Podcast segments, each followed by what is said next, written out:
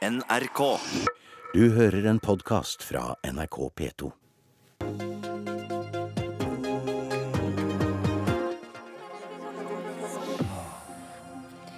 Er hun dopa på oljepenger? Kan hun kritisere sin egen minister? Er det mulig å bære sprikende staur i fire nye år? Det er tid for utspørring. Den som skal svare, er statsminister og Høyre-leder Erna Solberg.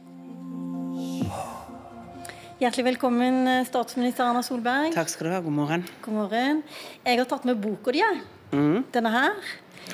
Den heter 'Mennesker, ikke milliarder'. Og i den boka så bruker du et helt kapittel på å skrive om Norge på oljedop. I flere år har vi sluppet å gjøre viktige og vanskelige valg, men vi kan ikke fortsette slik, skrev du i 2011. Og så ble du statsminister, og på fire år i regjering har du brukt mer oljepenger enn noen har gjort før deg. Ble det for fristende å prøve det dopet? Vi har jo gjort mange valg, det er jo det vi er blitt kritisert for, fordi vi har modernisert Norge. Vi har gjennomført reformer i samferdselen som gjør at vi bygger veier raskere. Vi har laget en kommunereform. Vi har gjort mye av det som skal få til at tjenestene blir bedre. Har fordi vi må- brukt rekordmye oljepenger. Ja, fordi vi også har hatt en veldig vanskelig situasjon på arbeidsmarkedet. Vi har tapt eh, mange arbeidsplasser i oljesektoren. Det skyldes at oljeprisen har altså falt med 75% i løpet av den perioden. Det har vært et sjokk mot norsk økonomi. Og all økonomisk politikk tilsier én ting. Eh, Det er at når du har en nedgangsperiode, så er det lurt å bruke penger. Det er lurt å sørge for at folk er i jobb. Det er lurt for at vi ikke mister næringer og kompetanse og kapasitet til å kunne gjøre, altså bygge opp nye arbeidsplasser etter hvert. Men det du skriver om i denne boka, det er at hvis vi slipper oljepengene løs, vil de ikke skape vekst. Det vil tvert imot være ødeleggende for veksten. Derfor vil Høyre føre en ansvarlig økonomisk politikk, skrev du, og viste til forskjellen mellom dere og Frp. Så har dere altså økt bruken av oljepenger med 60% siden 2013. og da lurer jeg på, Er det Fremskrittspartiet som har vært eh, doplangeren i denne regjeringen? Nei, og vi har ligget under den 3 %-regelen som vi nå har innført hvert eneste år. Og så er det sånn at det er god økonomisk politikk. og Hvert eneste år vi har lagt frem våre statsbudsjett, så har faktisk økonomene sagt at dette er et statsbudsjett godt tilpasset de økonomiske utfordringene Men og situasjonen. økonomene har også Mens- påpekt at dere har brukt fryktelig mye penger. Ja, Og en del av de pengene, 20 milliarder ekstra i år, hvert år, har jo også gått til ting som ikke har så mye med vekst å gjøre. Å gi bedre forhold for, for eh, pensjonistene. Ja, og det er noen positive ting som man har gjort for forbedringer i velferden, men hovedgrunnen til at det er en stor vekst i oljepengebruken, er at vi har hatt nedgangsperioder i norsk økonomi. Før vi hadde oljepengene, så gikk statsbudsjettet som oftest i underskudd. Jeg satt igjennom, satt på Stortinget allerede i krisen på begynnelsen av 90-tallet. Da hadde vi store underskudd på statsbudsjettet, fordi vi skal ta vare på folk i en krise. Og jeg tror vi hadde blitt mye mer kritisert hvis vi ikke hadde satt i gang tiltak på Sør-Vestlandet for å sørge for at vi hadde aktivitet i hele den store næringer som bygg og anlegg, som hadde sørget for at flere mennesker hadde gått arbeidsledig. I går så, var du på Vestlandet. eh, Hvor stor er- del av æren syns du at du kan ta for at, det nå, at pilene nå peker oppover igjen? Det er heldigvis sånn at vi har en økonomi som har noen gode sånne mekanismer som slår inn, og, og partene har vært eh, ansvarlige. Men det er klart vi har ført en økonomisk politikk som også har bidratt til dette. Eh, det er en vekselvirkning mellom det gode arbeidet som finnes i norsk økonomi. Når kronekursen blir lavere, så stimulerer det noen næringer. Når partene er ansvarlige, så gjør det at konkurransekraften vår blir større. Men vi har brukt mer penger til å stimulere omstillingen i bedrifter. Og når jeg er på Vestlandet, så hører jeg om det, at det har de brukt. De har brukt de pengene som vi har biomidler, forskningsmidler, for å snu til nye markeder, for å skape seg flere ben å stå på. Så vi skal dele på æren, men når vi har fått veldig mye av kjeften, 2011 jeg har så må vi også få litt av æren. Ja, nettopp. I 2011 så skrev du om de rød-grønne politikerne som skrøt av seg sjøl etter finanskrisen. Underforstått var det altså slik at det var politikernes fortjeneste at vi som nasjon hadde gjort det bra. Jeg merket at jeg ble sint over denne grenseløse norske arrogansen, sa du da. Er det like grenseløst arrogant av deg å ta æren for de konjunkturene Jeg deler jo den æren. Du har aldri hørt meg si at det er bare regjeringen sin ære. Hvorfor var det grenseløst Ja, arrogant den fordi gangen? De sa at eh, Norge var mye dyktigere enn alle andre land eh, gjennom finanskrisen. Vi hadde oljepengene, vi hadde en høy oljeaktivitet gjennom finanskrisen.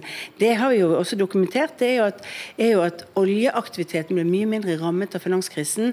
Det var motoren i norsk økonomi. Derfor gikk det også veldig mye bedre gjennom den, for vi fikk ikke den stoppen som mange andre land fikk. Men eh, det en del økonomer har eh, kritisert deg for, senest nå i helga, er det mange kommentatorer som har vært ute, det er mangel på prioritering, mangel på kutt. Du har på kunnet pga. denne nedgangsperioden gi penger til det meste. Nå er alle enige om at eh, det er slutt. Det står også i din eh, perspektivmelding at framover så kan man kanskje bare bruke 3-4 milliarder av disse oljepengene. Hva skal du da kutte? Veldig viktig å si at Vi har hele tiden sagt at vi må klare å omstille oss. Det er noen ting vi kommer til å ikke bruke så mye penger på som på andre områder. Når vi går til valg på Ja, vi, nei, når, vi, når vi går til valg på at vi skal løfte beredskapen, politiet, så har vi låst penger til det. Det betyr at det tar en del av handlingsrommet vårt fremover. Når Forsvaret skal bygges opp, når vi skal ha skolesatsing, helsesatsing, og vi skal sørge for å skape nye jobber, og derfor må ha et lavere et skattenivå som stimulerer til det, så betyr det at vi har prioritert disse områdene. Og hva prioriterer dere ned? Og da er svaret vårt vi må klare å omstille oss gjennom f.eks. reformer. Og det har vi jo gjort. Vi har en reform vi som pågår hvert eneste år. Så kutter vi 0,5% av alle driftsbudsjettene i det offentlige. Det er et pålegg til alle etater om at man skal drive mer effektivt. Om at man må finne bedre måter å jobbe på. Så, så står det i den samme perspektivmeldingen som du har lagt fram, at bare det å effektivisere, det er ikke nok. Nei, og Derfor betyr det at vi må sørge for at vi må ha flere folk i arbeid. Derfor er det veldig viktig at de tiltakene vi gjør nå fremover, understøtter arbeidslinjen. At flere folk kommer ut i arbeid. og Derfor så er jo en av de store tingene vi har lovet i denne valgkampen Men det er ikke at så mange ingen- regjeringer som er ikke har kutta i noe som helst. Du må vel si litt om hvor du har tenkt å kutte? Jo, men altså, vi sier at det er Du vil heller ikke ta i altså- sykelønnsordningen, som, Nei, nei, som men- er et av de tiltakene dere skisserer, nemlig å kutte i velferdsordningene. Ja, vi har eh, gjort noen endringer i velferdsordninger i denne perioden. Vi har eh, sørget for å, sørget for å gjøre noen endringer som bidrar til å stimulere arbeidslinjen for å få flere i jobb. Men sykelønnsordningen er en av de ordningene vi har sagt vi ikke skal røre. Fordi vi mener at det vil være urettferdig. De endringene man gjør er vanskelig å få til å være nøytrale mellom folk som er på gulv, og folk som har eh, gode stillinger og mer fleksible jobber. Men eh, handlingsrommet som dette, de pengene som dere har til disposisjon, er ikke de allerede brukt opp når dere skal satse mer på forsvar, mer på beredskap, skattelette? Alle de tingene som du nå har ramset opp. Men da er det jo så viktig at vi har en politikk for å øke handlingsrommet. Og Det er derfor vi gjør moderniseringer, endringer i måten det offentlige eh, drives på. Det er derfor vi investerer i digitalisering og tør å ta ut effekten av digitalisering. Det betyr at vi får færre kontorer som flytter papirer, flere som, eh, som skal gi tjenester. Og Derfor må vi hente mer av aktiviteten i årene fremover på å tørre å ta litt vanskelige valg som dreier seg om å modernisere og, og, og endre det måten vi bruker penger på. og Dere dette er jo noe av det som har vært kritikken mot regjeringen. Men det har jo ikke blitt færre byråkrater heller. Nei, men veksten er betydelig lavere enn under den forrige regjeringen. Og veksten på eh, sant, tjenestene Veksten på tjenestene Nei, vi sa aldri det. Det, altså, det var kanskje bare- nei, var jo, det er veldig viktig. det. Vi sa at vi skulle ta hånd om veksten skulle bli lavere, men vi vet jo f.eks. at vi skal ha flere politifolk. Det har vi fått mye mer av. Vi skal ha flere folk som forsker og utvikler, sånn at vi får større inntekter til det offentlige fremover. Så det at det blir flere offentlig ansatte, det var jeg helt ærlig på i 2013. Det er flere eldre som, som trenger hjelp i og omsorgen. Så du må stille meg spørsmål om Høyres politikk, ikke om andres partiers politikk. Okay, La oss gå på Høyres politikk. I programmet står det alle med skatteevne må betale skatt. Du har også skrevet i boka, for å snakke om den for siste gang, at eh, under din ledelse skal du ikke, eh, skal Høyre ikke med i en regjering som aksepterer at folk kan bli nullskattytere.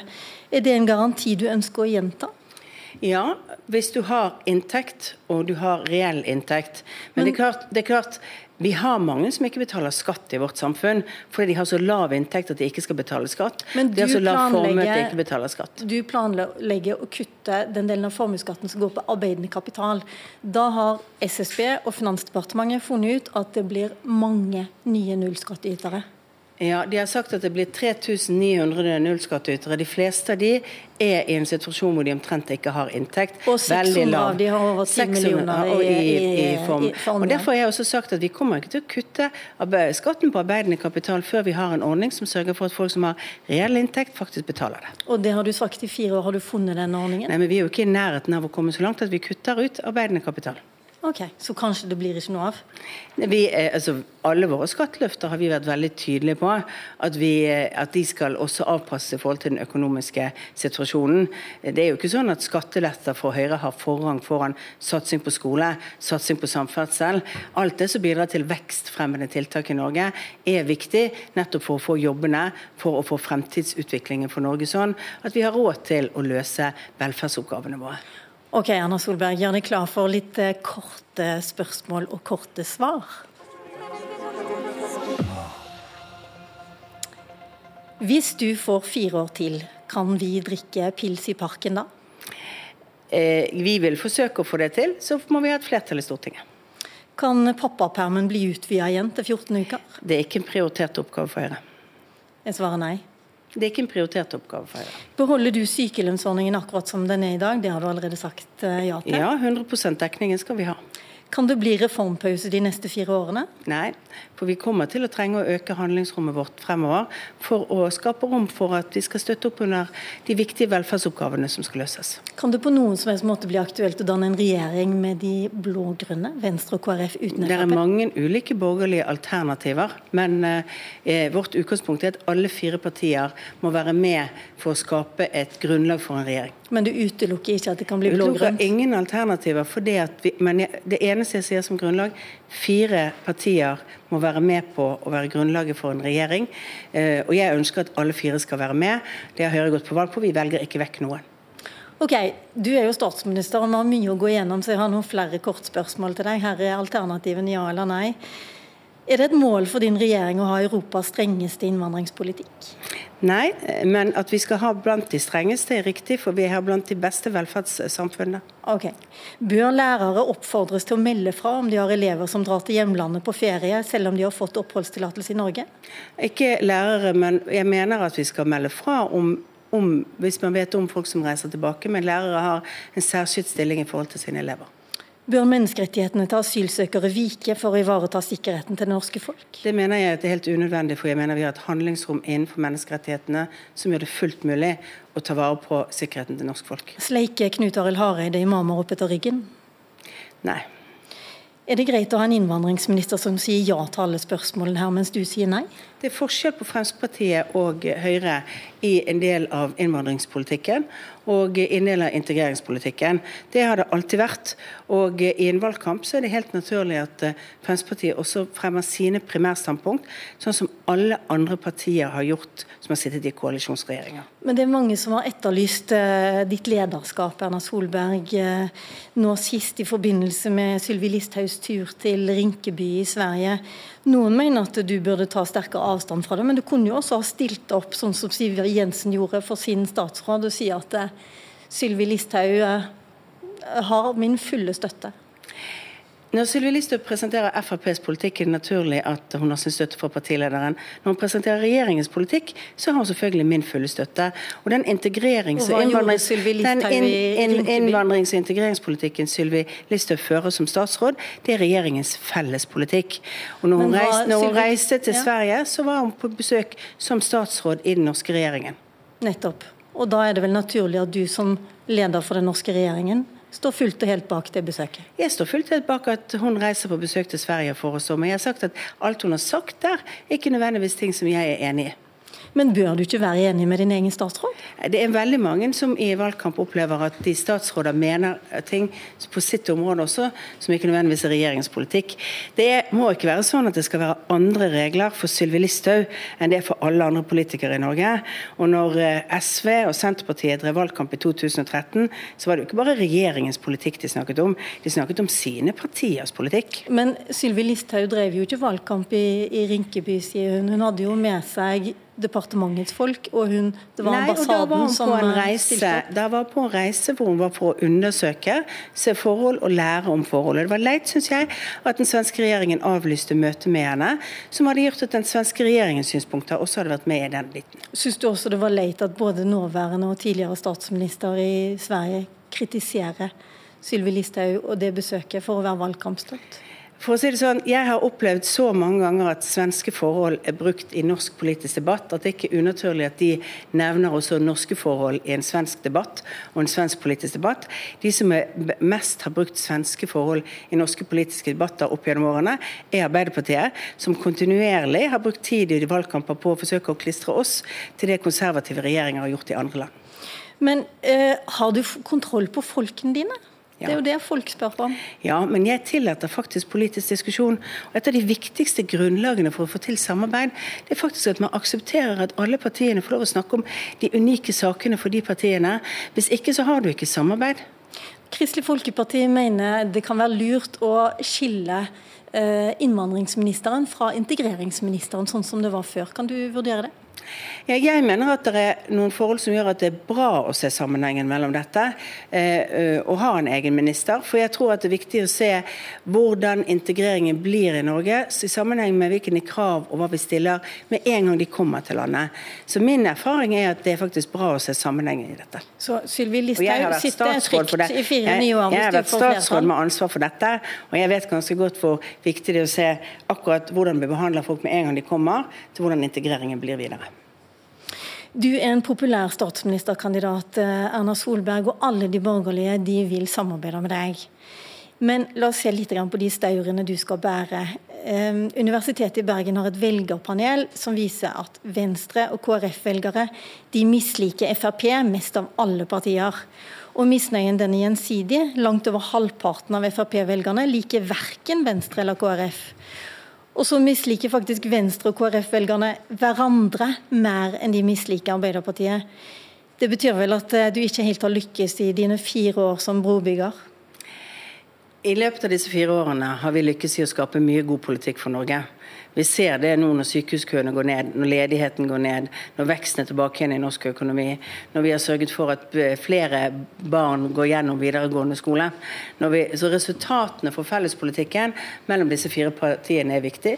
Vi har en stor satsing på fattige barn. Ja, nå- Alt nei, sikker på at du skal ta jeg hele liste, og poenget med det er å si det, det er at det er sånn at Et samarbeid bygger på en respekt for at alle fire partier må få gjennomslag for saker som er viktige for de partiene. Men konklusjonen til to av de fire partiene som samarbeider og kaller seg borgerlige, eller som dere kaller borgerlige, det er vel litt ymse det altså, men to av de partiene de sier at eh, de vil ikke samarbeide med Fremskrittspartiet. Ja, og det er også uklart om de vil være med på noen samarbeidsavtale igjen. Men eh, på borgerlig side er det sånn at vi er avhengig av alle fire partier. Det betyr at man skal finne løsninger mellom de fire partiene i hovedsettet av saker. Og det er et faktum som enhver borgerlig regjering skal må bygge på. Hvis dere får flertall på borgerlig side, vil du prøve å få til en samarbeidsavtale med KrF og Venstre da? Da mener jeg at Det viktigste vi gjør er at vi setter oss ned og snakker sammen om hvordan vi skal få til samarbeid om politiske saker. Om det blir en avtale i den avtaleformen vi har i dag, eller andre, det er jeg helt åpen for. Men denne grunnleggende erkjennelsen av at alle disse fire partiene for å få innflytelse på utviklingen i Norge, er gjensidig avhengig av hverandre, det er viktig å ha med seg. Men hvis Venstre og KrF ikke vil være med på noen samarbeidsavtale, kan de likevel stille krav? Vi har hørt det på Dagsnytt eh, nå senest i dag om f.eks. Lofoten-Vesterålen. De setter dette som ultimatum. Men hvis ikke de er med på noen samarbeidsavtale, så kan de kanskje ikke stille noe ultimatum heller? Forresten, de kaller det ikke ultimatum, bare så jeg har sagt det det. er det. Det- Men det er det, viktigste kravet som skal på plass, sier Ja. de da. Det er ingen på borgerlig side som har stilt ultimatum til hverandre. Men eh, det som er viktig, det er jo at Men det virker ikke som de har lyst til å samarbeide uten at det er på plass. Ja, men eh, det er jo et faktum at det vil alltid være viktige saker som man må ha gjennomslag for å få til samarbeid. Men nå sier du jo nettopp samarbeid, og det betyr at det er en erkjennelse av at vi faktisk må finne til et felles grunnlag for å samarbeide. Om det vi gjorde sist gang, var å lage en avtale som var ny i norsk sammenheng, som har gjort at vi har forpliktet oss til alltid å gå til KrF og Venstre først. Og de har forpliktet seg til å forsøke å få til et statsbudsjett med oss. Men det er ingen garanti for at vi får til løsninger sammen i den avtalen. Men er det, det et mål for deg å få en sånn avtale? Målet mitt er jo alltid å få alle fire til å sitte i regjering, og det kommer alltid til å være mitt overordnede mål. Og så blir alt annet underordnet i forhold til det. Hjertelig takk, Erna Solberg. Det var det vi rakk i denne utspørringen. Som for øvrig er vår siste før eh, valget, som da er om ei uke. Om ei uke, om tirsdagen, så våkner vi opp og vet om du får fortsette i fire nye år. Men eh, følg endelig med på Politisk kvarter uansett, for vi skal ha sendinger hver dag. Både før og etter valget. Mitt navn er Lilla Sølhusvik. Takk for i dag. Du har hørt en podkast fra NRK P2.